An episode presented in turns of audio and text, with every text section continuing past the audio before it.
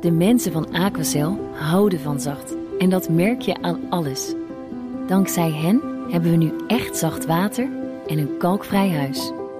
Voor hun klanten zijn ze zacht. Dat zijn ze trouwens ook voor elkaar.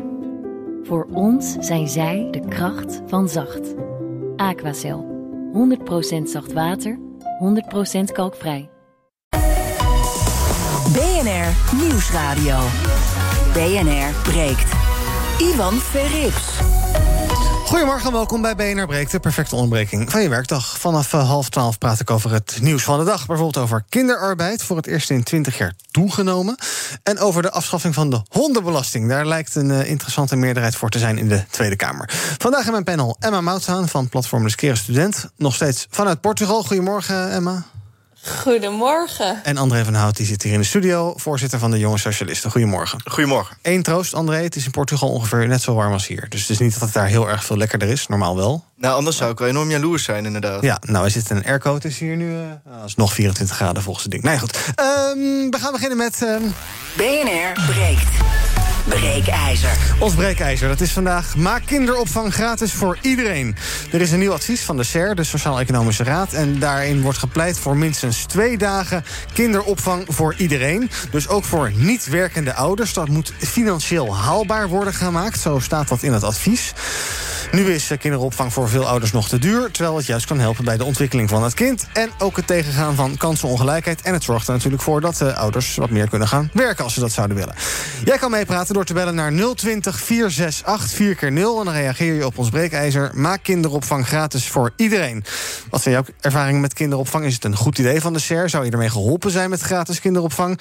Ik ga erover praten met mijn panel. Met uh, uh, jou hopelijk dus. Pak je telefoonbel 020 468 4 keer 0 En ook uh, met Emeline Belsma. Die is directeur van de brancheorganisatie Kinderopvang. Goedemorgen.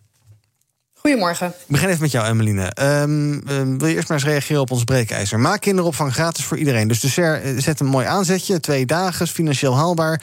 Maar laten we gewoon even duidelijkheid creëren. En gewoon gratis voor iedereen. De, de volle bak. Wat vind jij? Wij zijn juist heel erg blij met het SER-advies. We vinden dat ontzettend uh, gewogen advies... waarin een schitterend uh, toekomstperspectief wordt geschetst... waarin alle kinderen recht krijgen op kinderopvang... maar waarin ook hele ambitieuze en uitvoerbare stappen worden geschetst... om daar te komen. Ja, want uh, het, het, gaat in, in, in, trapjes, hè, het, het SER-advies, wat, wat zij willen. Kun je het even schetsen? Het klopt. Ja, de SER die, die schetst het toekomstperspectief dat er een, een stelsel moet zijn waar kinderen uh, allemaal naartoe kunnen. Maar geeft ook aan dat voor de komende kabinetsperiode, dus de komende vier jaar, uh, zij er voorstander van zijn dat kinderen van 0 tot 4 twee dagen per week naar de kinderopvang kunnen, ongeacht of hun ouders werken of niet. Mm -hmm. Dat er daarnaast dat perspectief er ook moet zijn voor kinderen van 4 tot 13 jaar die al naar school gaan. Dat we daarvoor uh, nog iets in de kwaliteit moeten investeren. En we ook de, de uitvoerbaarheid voorop moet staan. Ja. Maar dat dat een volgende stap moet zijn. Ja. En waarom is dat in, in die stapjes handig? Waarom is het belangrijk dat eerst die, uh, die ouders van die hele jonge kinderen. Of, nee, laat ik, zeggen, laat ik het zo zeggen. Waarom is het belangrijk dat eerst die hele jonge kinderen uh, toegankelijker naar de kinderopvang kunnen. en daarna pas de wat oudere jonge kinderen? Voor die hele jonge kinderen heeft het, uh, kan het veel impact hebben op de ontwikkeling. Dus we gunnen het echt ieder kind. We gunnen het ook de oudere kinderen. Maar voor die allerjongste kinderen kan het ervoor zorgen dat ze ook met een minder grote achterstand bijvoorbeeld uh, aan de basisschool gaan beginnen. Ja, ja. Dat is weer een voorwaarde om je ook verder te kunnen ontwikkelen. En uh, voor de oudere kinderen zouden we ook willen proberen om uh, de BSO nog iets meer uh, nou, in kwaliteit zeg maar, te laten toenemen, waardoor ze ook die rol kunnen spelen. Ja. Ik ga zo met je verder praten, ook over nog wat andere details en wat andere vragen. Eerst doe ik even een rondje met mijn panelleden. Uh, Emma, um, ja, skeren student. Nou, dan zal je vast blij zijn als stel dat we kinderopvang nou helemaal gratis gaan maken voor iedereen. Wat vind jij? Ja, ik denk dat het een goed idee is. Ik uh, denk dat dat um, ja, misschien wel financieel een beetje lastig gaat zijn om elke dag, uh, ja, vijf dagen per week gratis aan te bieden. Mm -hmm. Maar uh, twee dagen per week lijkt me wel haalbaar. Ja, en ik denk ook dat het gewoon um, goed is, zowel voor de kinderen als voor de ouders. Ja, maar gratis bestaat niet, hè? Nou ja, weet je, ja, je betaalt belasting, weet je. Uh -huh. Dus indirect betaal je er toch wel voor. Ja. ja. maar dat het een paar miljard kost en dat we dat met z'n allen betalen... Dat, dat vind je een goed idee. Dat is, dat, dat, dat, uh, dat, dat is een te verantwoorde keuze. Ja, ja, denk ik wel. André? Ja, ik ben blij met dit nieuws. Mhm. het, is, eh, het is een hartstikke goed idee.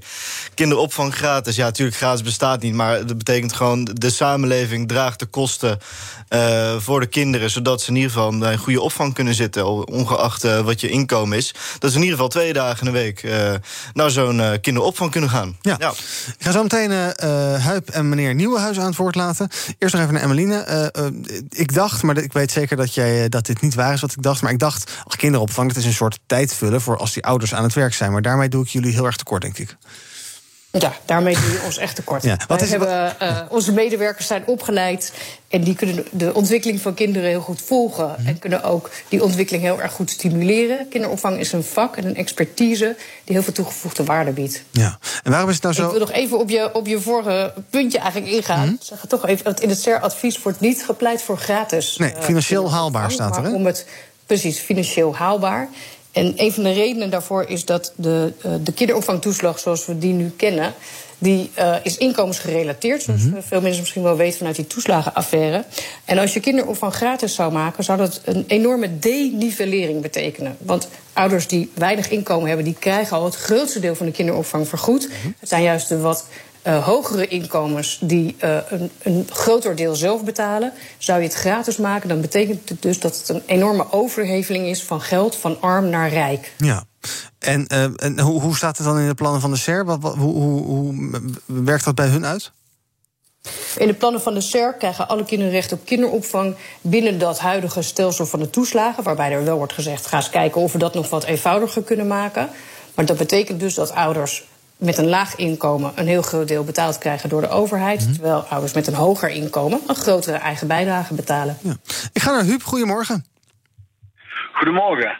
Zeg het maar. Ik, ik, ik weet het niet. Ik denk dat het een heel goed idee is. Want er zijn heel veel gezinnen die werken om hun kinderen naar de opvang eh, te kunnen doen. En ik merk dat bij mijn dochter ehm, opvang heel erg belangrijk is. Want ze ontwikkelt zich veel sneller dan wij denken dat wanneer ze alleen thuis zou zijn. Alleen ik denk ook dat het juist ehm, tegengesteld kan werken. Wanneer het gratis is, eh, dat het misschien minder motiveert voor mensen om er een baantje bij te zoeken, zeg maar. Ja, ja. Eh, is een, be- een beetje, een beetje lui gedrag, of niet?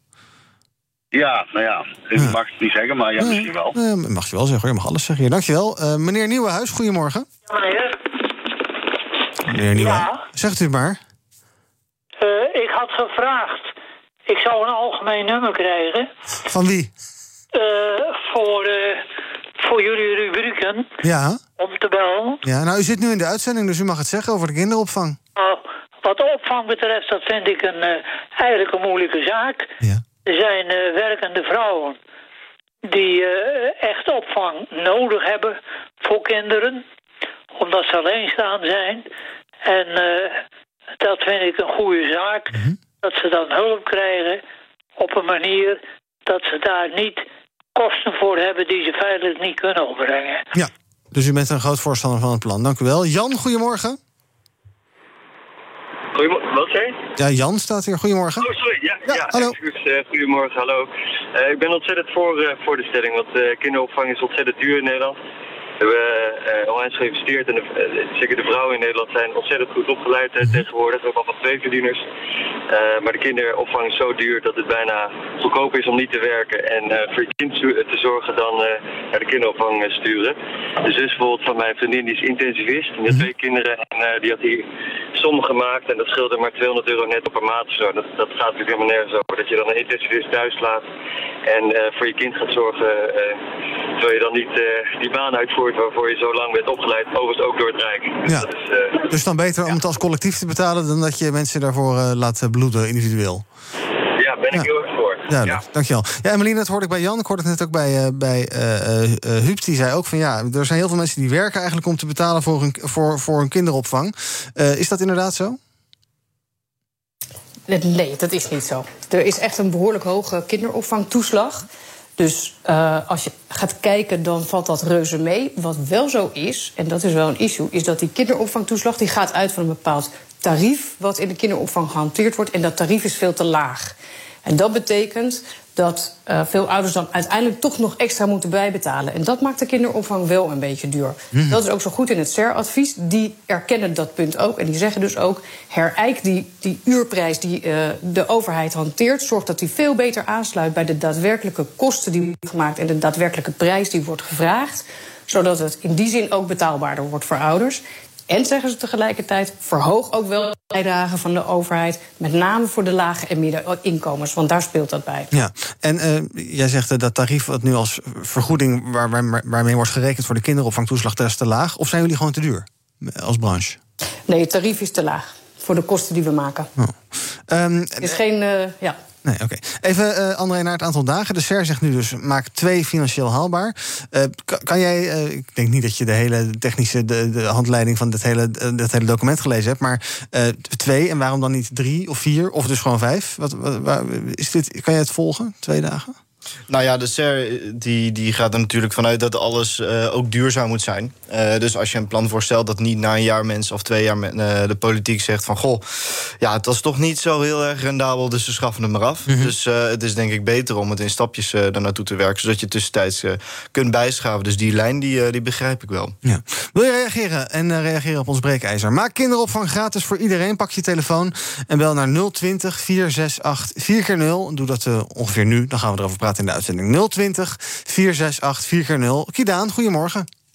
Hallo, goedemorgen. Zeg maar. Ja, maak het. Maar uh, het, het, is, het, is niet, het is niet gratis. We betalen gewoon dadelijk gewoon terug. Mm -hmm. De kinderen leren ze gewoon uh, samen spelen. Op een gegeven moment kunnen ze leren gewoon samenwerken. Ten tweede, die ouders gaan werken. Dan betalen ze gewoon belasting. Dus wat ik zeg is, dit is investeren in de toekomst van Nederland. Ja, dus eigenlijk... Doe even gewoon zo simpel te denken. Ja, goed om het te doen dus. Ja. Nou duidelijk, dankjewel. Betaal terug. Ja. Uh, en mij uh, uh, ook een voorstander van dus. Zou je misschien toch moeten denken aan iets als een, ja, een, een, een, een, eigen bijdrage dan nog steeds of zo? Of zeg je van joh, laten we het dan maar inderdaad ja, financieel haalbaar, laten we het dan maar gewoon helemaal vergoeden? Nou, ik, ehm, het is goed dat je me de beurt geeft. Want ik wou inderdaad wel aanhaken eigenlijk op twee dingen die net zijn gezegd. Mhm. Namelijk, um, nou ja, één persoon zei van ja, weet je, als je uh, het helemaal gratis maakt, dan motiveert het ouders niet meer om te gaan werken. Um, en nog een ander punt dat werd gemaakt over, uh, nou ja, weet je, uh, als je veel verdient, dan krijg je minder toeslag. Um, dus het is niet zo dat je echt, zeg maar, krom moet gaan liggen, zeg maar, en heel hard moet werken, puur alleen om die toeslag te betalen, want dan verdien je al heel veel als je weinig toeslag krijgt. Alleen ik denk dat er één heel belangrijk ding hier wordt vergeten. En um, dat is dat vrouwen helaas vaak toch nog steeds minder verdienen dan mannen. En aangezien het natuurlijk gaat over um, het inkomen van het gezin, dan kan het natuurlijk zo zijn dat de man misschien heel veel verdient. Mm -hmm. En de vrouw wat minder. En dat daardoor dus letterlijk wel is dat de vrouw net zoveel verdient als er moet worden betaald aan. Uh, uh, kinderopvang. Ja, ja. Dus op het moment dat dat uh, niet gratis wordt gemaakt, werkt dat eigenlijk heel erg tegen het idee van ook vrouwen moeten werken. En uh, ja, ik denk dat dat ook een heel belangrijk argument is voor waarom het wel gratis zou moeten zijn. En waarom dat dus niet inkomensafhankelijk zou moeten zijn. Ben je het er maar eens, Emmeline? Ik, ik, uh, nee, ik ben het er eigenlijk niet mee eens. Uh, ik denk dat je ook als gezin hoort te kijken naar uh, je gezinsinkomen. En ik hoop dat je op basis daarvan een afweging maakt. Ik ben het wel heel erg eens met Emma dat kinderopvang en de, de toegang daartoe ook heel belangrijk is voor de emanciperende werking. Dus het, het moet heel normaal zijn voor iedereen dat je kinder de kinderopvang gaat. Dat het goed is voor de ontwikkeling van je kind en goed is voor jezelf. Uh, en dat het ook normaal is dat uh, ouders allebei werken als ze dat willen. Want ik ben er ook niet van dat ze dat gedwongen moet doen of zo. Um, ik denk dat een eigen bijdrage echt realistisch is. Wij denken dat het ook heel belangrijk is dat ouders zich oprecht heel erg betrokken voelen bij de kinderopvang. Want het is altijd een samenwerking. Dus de kinderop, hoe, hoe beter de samenwerking eigenlijk is tussen de kinderopvang en de ouders, mm -hmm. dus hoe beter we ook het gezin daarin mee kunnen nemen, hoe beter het is voor de kinderen, zeker voor kinderen die in een, uh, in een achterstandssituatie verkeren. Dus die betrokkenheid van de ouders is heel erg belangrijk. En wij denken dat een kleine eigen bijdrage, hoe klein die ook is, daar ook wel in helpt. Ja, dus dat is toch wel een goed idee als het van jou ligt. BNR breekt. Ivan Verrips. Met vandaag in mijn panel André van Hout, voorzitter van de Jonge Socialisten... en Emma Mouthaan, die is van platform De Skere Student. En ook bij me is Emmeline Belsma, je hoorde haar net. Zij is directeur van de brancheorganisatie Kinderopvang. Dus zij uh, vertegenwoordigt een heel groot deel van die kinderopvangs... maar bijvoorbeeld ook van de BSO's. En we praten over ons breekijzer. Maak kinderopvang gratis voor iedereen. We hebben heel wat uh, bellers aan de lijn. Die ga ik zo meteen aan het woord, het woord laten. 020 468 4 keer 0 020 468 4 keer 0 André, ik wil heel even ook het politieke aspect hiervan bespreken... want het is dus een plan van de SER onder leiding van Mariette Hamer. Gericht aan de formerende partijen die nu uh, aan het praten zijn onder leiding van Mariette Hamer. Is dat niet een beetje raar dat Mariette Hamer een advies schrijft wat, waar ze zelf dan mee aan de slag gaat? Of ja, ze zit er dan een paar pet op? Nou, niet om af te doen aan Mariette Hamer. Maar de SER is natuurlijk wel hè, een heel stuk breder dan alleen Mariette Hamer. Het is een, ontzettend groot samenwerksverband tussen allerlei verschillende organisaties. die uiteindelijk uh, dit, uh, met dit advies zijn gekomen. Dus ik, uh, ik denk dat, tenminste, dat mag ik hopen, dat Mariette Hamer zich hier wel nu van in ieder geval wat afstand van houdt. en zich vooral bezighoudt met de formatie. Want het zou wel vreemd zijn, inderdaad, als ze, als ze daar richting aan zou geven. Ja, zit in ieder geval goed in de materie. Dat is waarschijnlijk een voordeel misschien. Nou, dat mag ik sowieso van elk onderwerp ja. hopen. Nou, goed, zij is natuurlijk, zij, ik denk als het over kunstmatige intelligentie gaat, dat zij er bij wijze van spreken niet zoveel van af weet. Maar hier zit ze dus al jaren in vanuit die SER. Dus dat is goed dat ze die achtergrondinformatie heeft, wellicht. Dat, uh, hoe meer achtergrondinformatie, hoe beter. Robert, goedemorgen. Hoi, goedemorgen. Zeg het maar. Um, uh, nou, waar het eigenlijk een beetje op gaat, natuurlijk uh, reageert iedereen, omdat het grotendeel van de mensen natuurlijk kinderen heeft. Maar -hmm. hoe wordt er uh, eigenlijk rekening gehouden met, met mensen die dat niet hebben of kunnen krijgen? ik krijg altijd een eenzijdig verhaal een beetje. Ja, dus je hebt het idee dat mensen zonder kinderen een soort van ja, gediscrimineerd worden Misschien. Nou ja, of gecompenseerd. Uh, uh, misschien uh, krijgen ze dan wel die 100%. Ja, ja, ja, ja, ja, maar ja, we betalen natuurlijk ook met alle de, kind, de, de, de, kinderbijslag en zo. Dat is, ja, je kan moeilijk... Is, nee, dat is absoluut. En ik -huh. bedoel, voor een kindontwikkeling alles... alles alleen maar goed. Ja. Maar ik mis dit gedeelte nog heel eventjes een beetje. En Ja. ik bedoel, wanneer je iets krijgt, is het natuurlijk altijd positief. Uh-huh. Nee, duidelijk. Nou, dat gaan we zo nog even bespreken. Dat is een goede, een goede opmerking. Dankjewel voor het bellen. Hendrika, goedemorgen. Goedemorgen. Zeg het maar. Nou, ik ben gasthouder al bijna 20 jaar. En ik vraag me af. ehm, in de kinderopvang zijn de groepen groter als voor een gasthouder. Dat is wettelijk geregeld. Maar hoe willen ze dat doen met het personeel? Dat kunnen ze niet zomaar van straat plukken. Als, als het opeens een stuk toegankelijker wordt, bedoel je? Ja, als het gratis wordt. Ja, nou, dan goed. krijg je dus meer kinderen op de wachtlijst en dan meer personeel. Ja, en waar moet dat vandaan komen? Ga ik zo meteen even voorleggen aan Emmeline. Ehm, het zijn allemaal goede vragen inderdaad. Eh, Roy, goedemorgen.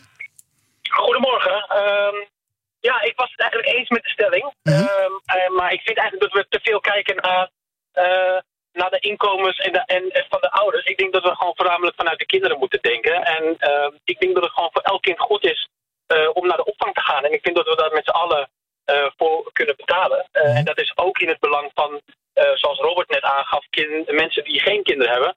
Eh, iedereen krijgt dan gelijke kansen, eh, betere kansen voor, tot opleiding en educatie. Eh, dus ik denk dat we daar met z'n allen gewoon heel veel belang bij hebben. Ja, nou, heel goed. Ja, misschien is eh, Robert zijn, eh, is hij ook ooit wel naar de kinderopvang geweest. Heeft hij daar heel veel aan gehad misschien. En eh, tot slot van dit blokje nog even meneer Meer. Goedemorgen. Ja, goedemorgen. Zeg het maar. Eh, ik had, eh, tenminste, wat mij opviel, want ik, eh, ik, ik eh, heb om me heen mensen die in het onderwijs werken, in de peuterspeelzaal, et cetera. En wat opviel is dus, omdat het niet gratis of toegankelijk is voor alle ouders, is dat bij laag opgeleide ouders, dat kinderen die dus naar het peuterspeelzaal of naar het het primair onderwijs gaan, dat er dus onwijs een achterstand is. wanneer zij dus de kinderopvang hebben gemist. Ze missen dus een bepaalde ontwikkeling, sociale ontwikkeling, taalontwikkeling. Ja. Dus je merkt dat er een bepaalde achterstand is.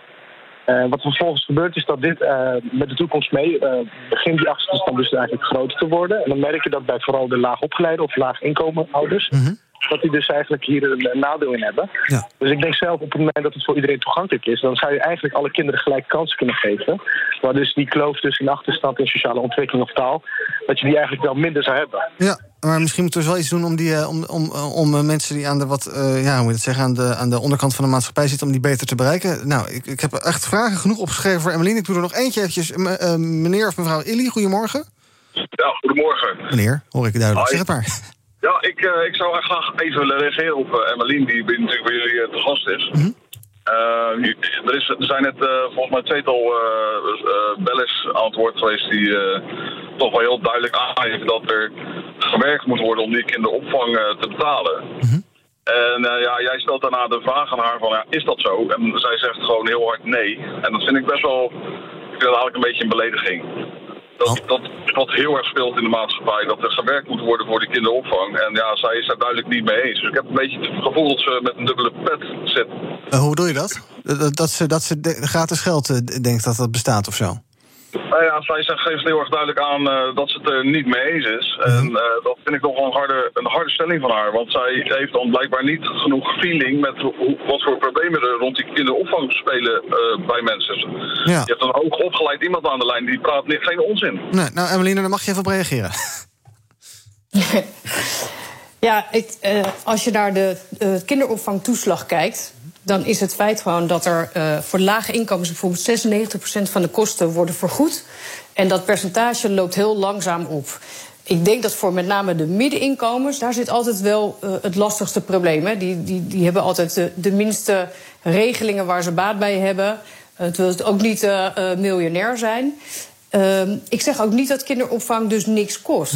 ik, dat zeg ik niet. En ik vertelde ook dat het onder andere komt omdat de uurtarieven die vergoed worden, die zijn eigenlijk te laag. En daardoor komt er extra kosten bovenop voor ouders. Ik denk alleen dat het goed zou zijn als gezin dat je naar je hele gezinsinkomen kijkt. En op basis daarvan de afweging te nemen. Omdat kinderopvang is, eh, is er niet alleen maar om iemand te laten werken. Het is er juist ook voor de ontwikkeling van je kind. Ja. Een paar andere vragen die ik hoorde is... ehm, eh, eh, hoe, hoe, hoe is dit ook in het voordeel van mensen die geen kinderen hebben? Of is dit echt iets, een soort cadeautje voor mensen met kinderen? Nee, dit, hier hebben eh, mensen die geen kinderen hebben ook voordeel bij. Omdat het een maatschappelijke toegevoegde waarde heeft om kinderen te stimuleren in hun ontwikkeling. Het is ook, wordt eigenlijk ook steeds meer gezien dat hoe vroeger we kinderen helpen eh, om die ontwikkeling door te maken, hoe beter het is. Daar besparen we later ook weer kosten mee eh, in de maatschappij. Bovendien zijn kinderen voor de hele maatschappij heel belangrijk. Want ze zijn onze toekomst. Uh, ze verdienen later ook ons pensioen.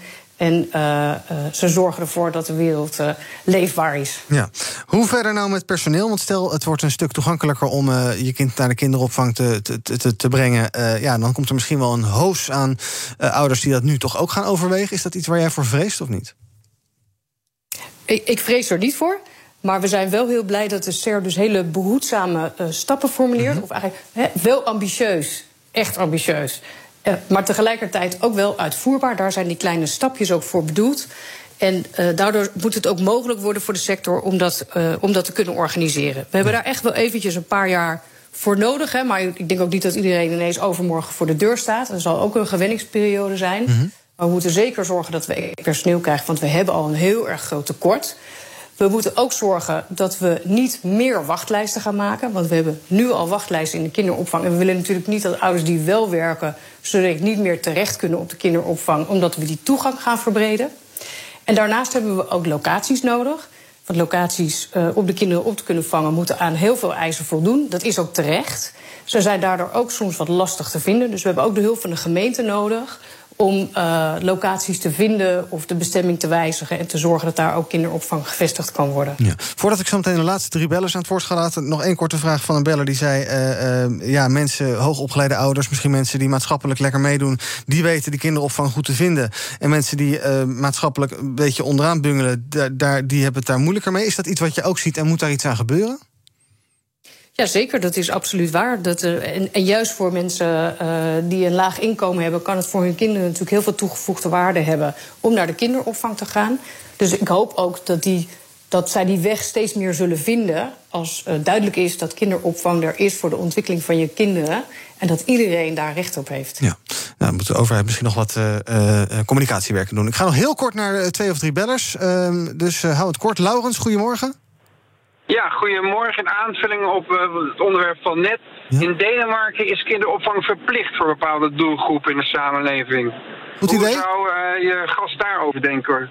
Emmeline, goed idee, kinderopvang verplicht maken?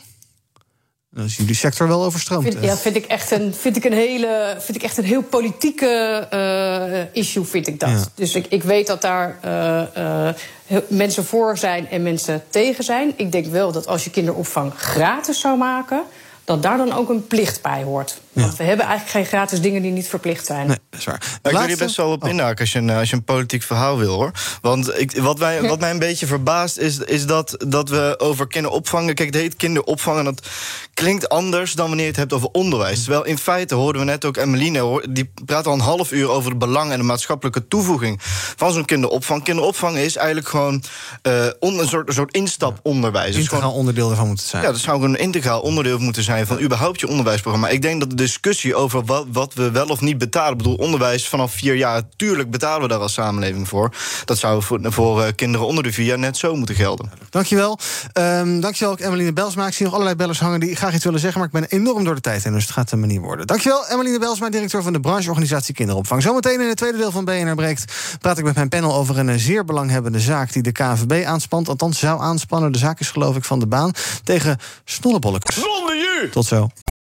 Ik ben Sylvia van Solft. Betaalt u te veel huur of huurt u te veel kantoorruimte?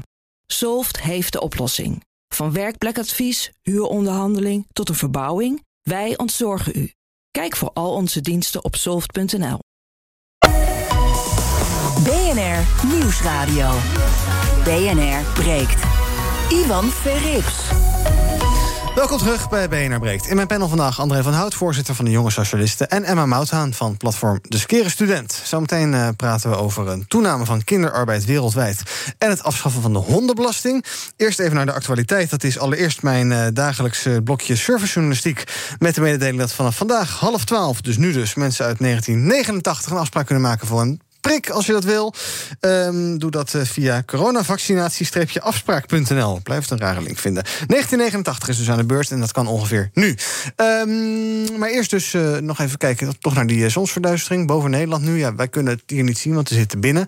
Maar er zijn allerlei livestreams en sterrenwachten die dat bijhouden. En, en er is inderdaad een hapje uit de zon rechtsboven. Ja, heel leuk. Het is begonnen rond eh 18 minuten over 11 en duurt tot half 2.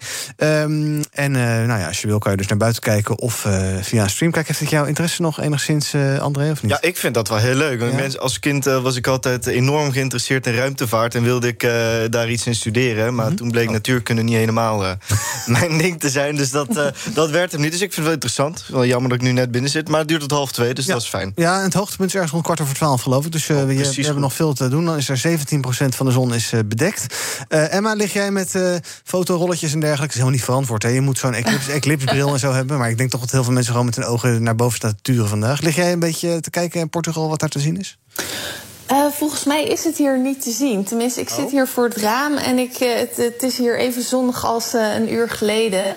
Dus volgens mij ja, is die hier niet te zien, helaas. Oh. Nou ja, hebben we ook eens een keer wat leuks. Meestal is het leuker in Portugal, denk ik, maar nu, nu dan hier. Alright, we gaan het hebben over nieuws.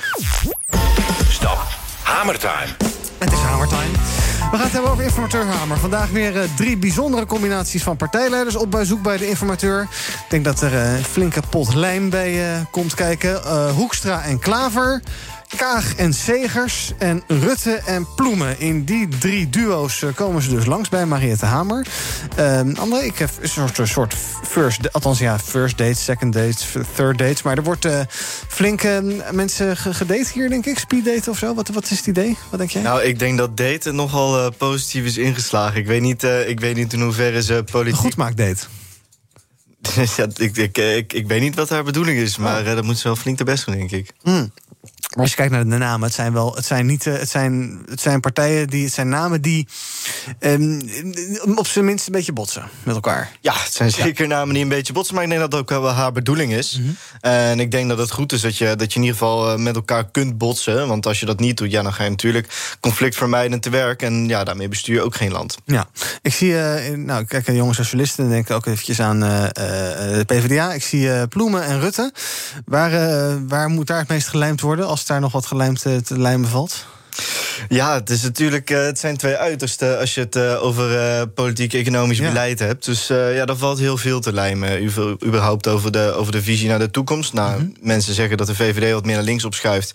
Ik ben erg benieuwd. Ik bedoel, als je ook kijkt naar, de, naar, de, naar het breekijzer van daar straks. Ik denk dat de VVD nu wel tegen kinderopvang stemt. Terwijl ze juist eerder in 2005, 2006, ik weet niet meer wat het was. dat ze daar juist ontzettend voorstander van zijn. Dus in plaats van dat ze in principes voor een goed economisch beleid handhaven, willen ze eerder eh, ja, een beetje hun eh, populariteitsstem behouden. Ja. Ehm, eh, als ik even nadenk aan de skere student, waar, bij welke coalitie heb jij het meest belang, Emma? Ehm, nou, ik heb zelf heb ik eh, GroenLinks gestemd. Dus ehm, ja, als, als zij erin komen en eh, er veel aandacht komt voor het milieu. En voor studenten natuurlijk en hun studieschulden. Dat, eh, dat zijn voor mij eigenlijk de twee belangrijkste punten. Ja, dus jij bent ook niet eh, van een eh, rechtse signatuur, denk ik dan zomaar. Nee. Nee. nee. Eh, er zijn natuurlijk een paar mogelijk, mogelijkheden die eh, eh, eh, worden uitgedacht nu. Eh, een motorblok plus ChristenUnie. Dus eigenlijk gewoon doorgaan zoals we nu doorgaan. Motorblok plus PvdA GroenLinks. Maar dat is allemaal ingewikkeld. Minderheidskabinetten.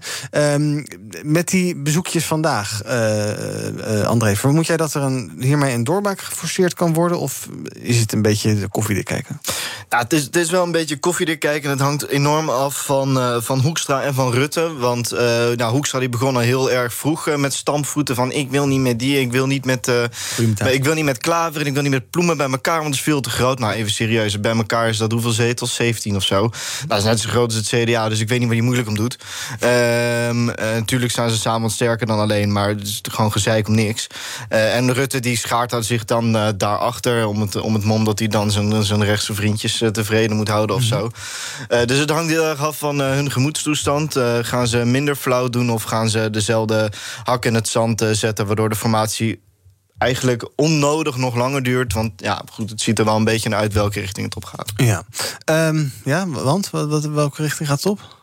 Nou, ik denk dat partijen er gewoon een beetje uit moeten gaan komen in, eh, in eh, inhoud. Ja. Nu. In plaats van nu meteen zeggen van nou, ik wil niet met die. Ik bedoel, de hele, het hele punt van de formatie was dat je juist op inhoud zou gaan formeren. Mhm. En nu gewoon meteen na een paar weken zijn er al twee eh, kinderachtige fractievoorzitters die zeggen: Nou, ik wil niet met die. Nou, klaar. Ja, nergens over gehad. Ja.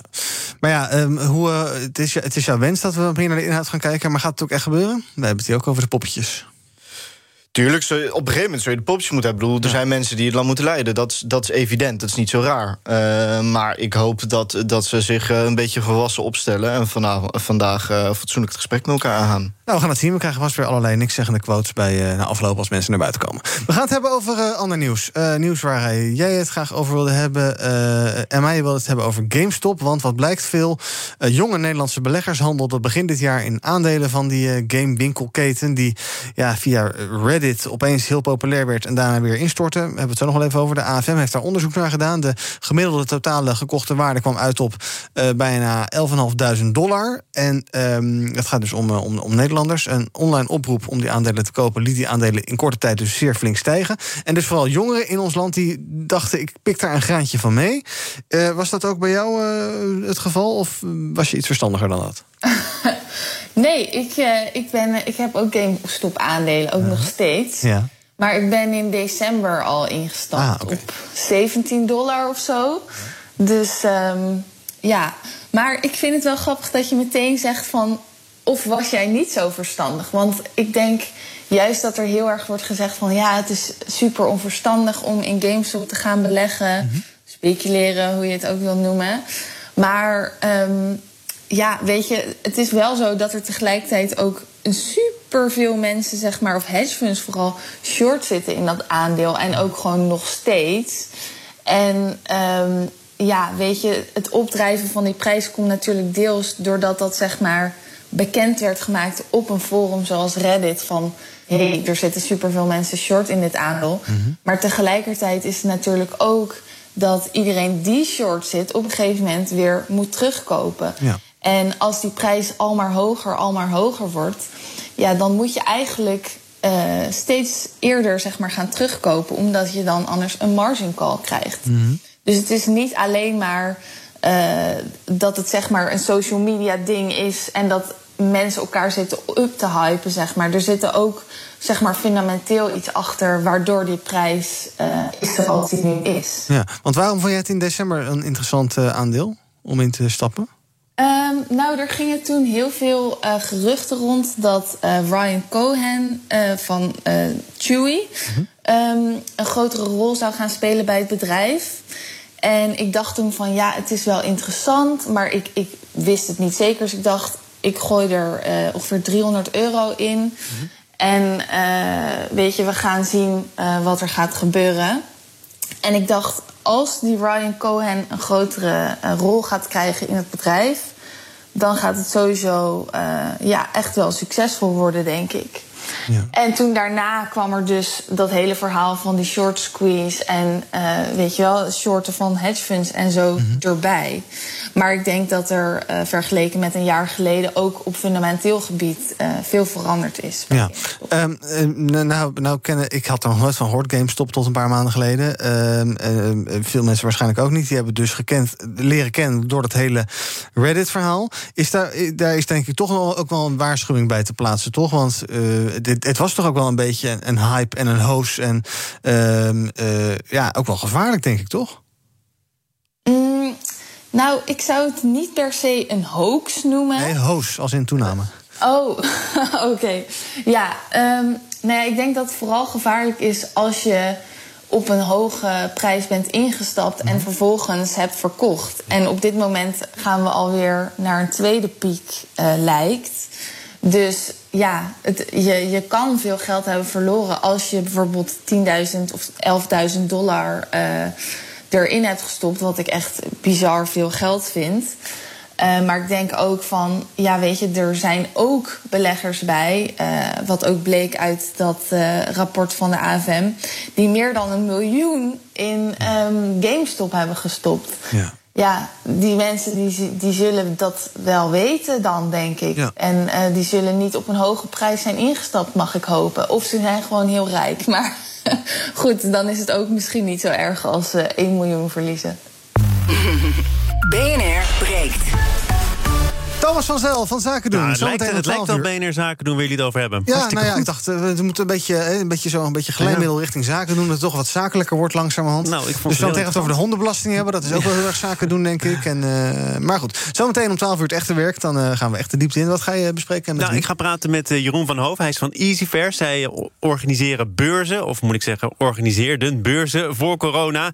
En ze hebben al een hele tijd de gedachte dat het binnenkort dan toch echt weer gaat gebeuren. Dat de beurzen, de vakbeurzen, weer terug kunnen komen. Eh, dat dachten ze trouwens ook al vorig jaar september. Inmiddels eh, hebben ze die verwachting een jaar moeten opschuiven. Maar ze zijn er nog. Onder andere door eh, zich aan te bieden als testlocatie, vaccinatielocatie. Dus ze hebben wel flexibiliteit getoond. Maar het wordt nu toch echt wel tijd dat de deuren weer open kunnen. Daar gaat het over. Het boardroom panel is er. Onder andere over de kwestie ASML. Hè, waar mensen toch vrij gemakkelijk bij cruciale informatie konden. Betekent dat dat je tegenwoordig mensen met een Chinese afkomst of achtergrond beter moet gaan checken? Mag dat eigenlijk wel? Kan dat eigenlijk wel? En wij trappen zo meteen af met de Milieudefensie. Want eh, daar hebben ze niet alleen Shell in het vizier, maar ook eh, andere grote vervuilers. Er wordt actie gevoerd. Ze worden aan de schandpaal genageld. Ehm, wat is het uiteindelijke doel van die acties vandaag? Dat hoor je zo meteen van de directeur van Milieudefensie in Zaken doen. Voor de echte inhoud dus. Vanaf 12 uur zaken doen met Thomas van Zel. BNR even hebben, hebben over allerlei luchtige onderwerpjes zoals kinderarbeid. We voor het eerst in 20 jaar wereldwijd toegenomen, zeggen UNICEF en de Internationale Arbeidsorganisatie van de VN. Ehm, eh, het aantal kinderen in kinderarbeid is de afgelopen vier jaar met 8,4 miljoen gestegen. Naar schatting wereldwijd momenteel meer dan 160 miljoen kinderen. André, jij wilde het hier graag over hebben, over deze cijfers. Ehm, nou, dat dit eh, zorgwekkend is, dat eh, lijkt, me, lijkt me evident. Ehm, maar je bent er ook van geschrokken? Ja, ik ben er zeker van geschrokken, zeker. Maar dat. ehm, het, het, is ontzettend bizar hoe, hoe, hoe we eigenlijk twintig jaar geleden dachten... we gaan alles gaan we beter doen met de wereld. We gaan ervoor zorgen dat eh, kinderarbeid eruit is. Heel veel eh, kwalijke ziektes waar wij in ieder geval geen last mee hebben... maar andere landen nog wel, dat die allemaal de deur uit zijn. En toch blijkt het maar weer dat er niet zoveel gebeurt. Dat er helemaal niet zo heel veel verandert. Sterker nog, nu gaat het zelfs de verkeerde kant op als je het hebt over kinderarbeid. En dat vind ik toch wel een van de belangrijkste zaken, omdat kinderen niet thuis horen aan een werkbank. Nee. Ehm, maar wat je ziet is dat gewoon de, het, het belang vanuit Europa en vanuit Amerika de, ja, wel steeds zeker vanuit de samenleving steeds minder wordt om juist te investeren in regio's die er weer bovenop eh, geholpen moeten worden. En waar je ziet dat China juist van die, eh, van, van, vanuit onze eh, vanuit de, de tendens in onze samenleving gebruikt. Maar door daar volop te investeren, maar dan op de verkeerde manier. Mhm. Namelijk door die landen een hoop schulden aan te, aan, te, aan, te, aan te smeren. Waardoor ze leuke projectjes op kunnen zetten die ze vervolgens nooit meer terug kunnen betalen. En waarschijnlijk aan heel veel zware eisen moeten doen. Wat eventueel ook nog een eh, oorzaak zou kunnen zijn van al dat kinderarbeid.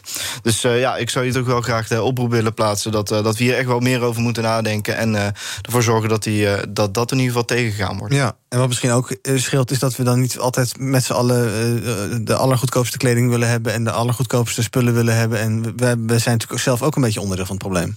Ja, tuurlijk, maar er is niet zoveel informatie over waar je eventueel een alternatief kunt hebben. Hè. Dus dat moet natuurlijk vanuit een, eh, eh, vanuit een Europa zou dat moeten worden geregeld. Maar het zit er niet alleen daarin. Als je überhaupt al kijkt naar de coronavaccinaties, het is een, het is een wereldwijde pandemie. eh, en landen, vooral in West-Europa en in Amerika, verschieten toch in een soort reactie van: nou, wij moeten al die vaccins hebben en de rest niet. En denken daarmee het probleem opgelost te hebben. Maar ja, weet je, dan kom je wel weer tegen de pijnlijke, pijnlijke conclusie tegen, uh, tegen aan te lopen dat, uh, dat de wereld zo gewoon niet in elkaar steekt. Nee. Emma, uh, er is de afgelopen jaren bij bedrijven natuurlijk heel veel aandacht besteed aan uh, maatschappelijk verantwoord ondernemen, MVO en dergelijke. En iedereen weet dat kinderarbeid natuurlijk not done is en eigenlijk iets van het verleden zou moeten zijn. Uh, hoe kan het dan toch in jou, naar jouw idee dat dit nog bestaat en nog een probleem is? Als iedereen zegt dat het niet zou moeten kunnen, dan ja. Ja, nou, volgens mij is het vooral het probleem dat veel bedrijven hun productie voor een deel uitbesteden aan mm -hmm. andere bedrijven in lage lonenlanden. En doordat ze dat dan uitbesteden, kunnen ze daardoor ook zeg maar een beetje hun ja, handen wassen in onschuld. En zeggen, ja, we hebben het uitbesteed en onze producent die, uh, die heeft gezegd dat er geen kinderarbeid was. Dus, dus we geloven dat maar. En we kunnen hier niet voor uh, verantwoordelijk gehouden worden. Um, en ja, ik vind dat wel erg kwalijk. Ik denk dat, uh, dat ook als je je, je productie uitbesteedt, dat je alsnog wel goed uh, moet uh, uitzoeken hoe het precies allemaal zit en waar het gemaakt wordt en door wie. Ja. Alright, um, ja, en, en, wat kunnen wij in de tussentijd doen? Behalve bewust je spullen kopen misschien... en overheid meer voorlichting geven of zo. Het is een beetje belegen suggesties allemaal, André, maar ja... Nee, nee, maar ik denk dat er heel veel kan gebeuren. Zeker op internationaal en Europees vlak kun je gewoon duidelijke regels stellen, duidelijke, duidelijke toezicht houden op je bedrijven. Want dat, dat is gewoon een politieke keuze om dat amper te doen. Uh, het is een politieke keuze om ze lekker vrij te laten uh, in het doen en laten. En we geloven wel wat ze zeggen. En uiteindelijk zijn we verbaasd dat dit gebeurt. Ja. Maar ik denk dat als je, als je echt het belangrijk vindt dat uh, kinderarbeid tegengegaan wordt, wat ik in ieder geval ontzettend belangrijk vind, is dat je er ook de juiste keuze toe moet zetten. We gaan een rondje social doen, kijken wat er momenteel trending is. Veel onderwerpen die we bespraken in de show zijn trending, zo actueel zijn we. Bijvoorbeeld hashtag kinderopvang door dat plan van de SER. Hashtag hondenbelasting is trending, daar gaan we het zo meteen nog even kort over hebben. Het is een spannende dag voor scholieren, want de hashtag examenuitslag is trending. Die komt eraan en vanaf een uurtje of twaalf gaan uh, leerlingen gebeld worden. En tot slot zijn zowel hashtag KNVB en hashtag Jumbo trending. En dat is vanwege een conflictje. Een conflictje tussen de KNVB en Jumbo, dus dat heeft alles te maken met... Snolle Bolkus. De KNVB komt in actie tegen een EK-voetbalreclame van Jumbo. Want, zegt de KNVB, het zou lijken alsof Jumbo een officiële sponsor is van het EK. Maar dat is Albert Heijn. Het gaat om dit spotje.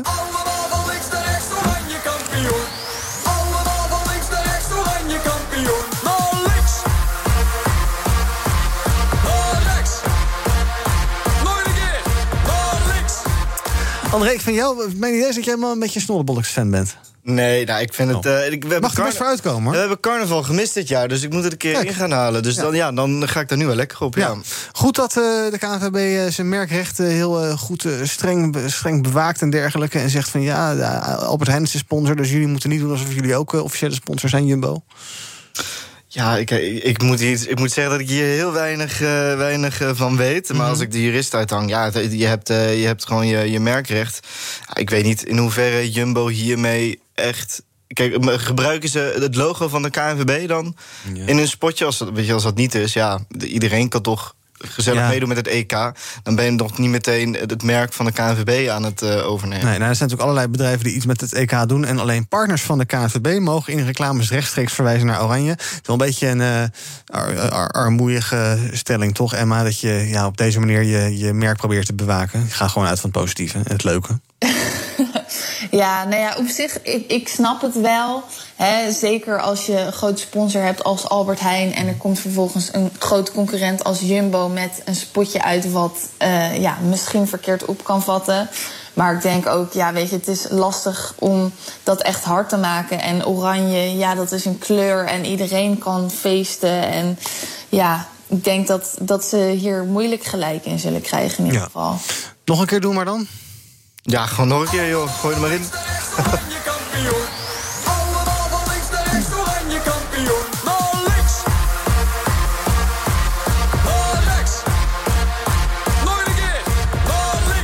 Ja, moet je je voorstellen dat straks ook het Koninklijk Huis wordt, eh, aansprakelijk wordt gesteld... omdat ze de kleur oranje gebruiken. Dat zou mooi zijn. Of, andersom, dat zei je net hier. Nou, ja, precies. We gaan het nog heel even kort hebben over eh, dierennieuws. Want eh, wat eh, blijkt, eh, de hondenbelasting... u weet wel, het geld dat je betaalt bovenop eten en speeltjes... en andere spulletjes voor je honden... ehm, eh, dat eh, moet eh, gaan verdwijnen.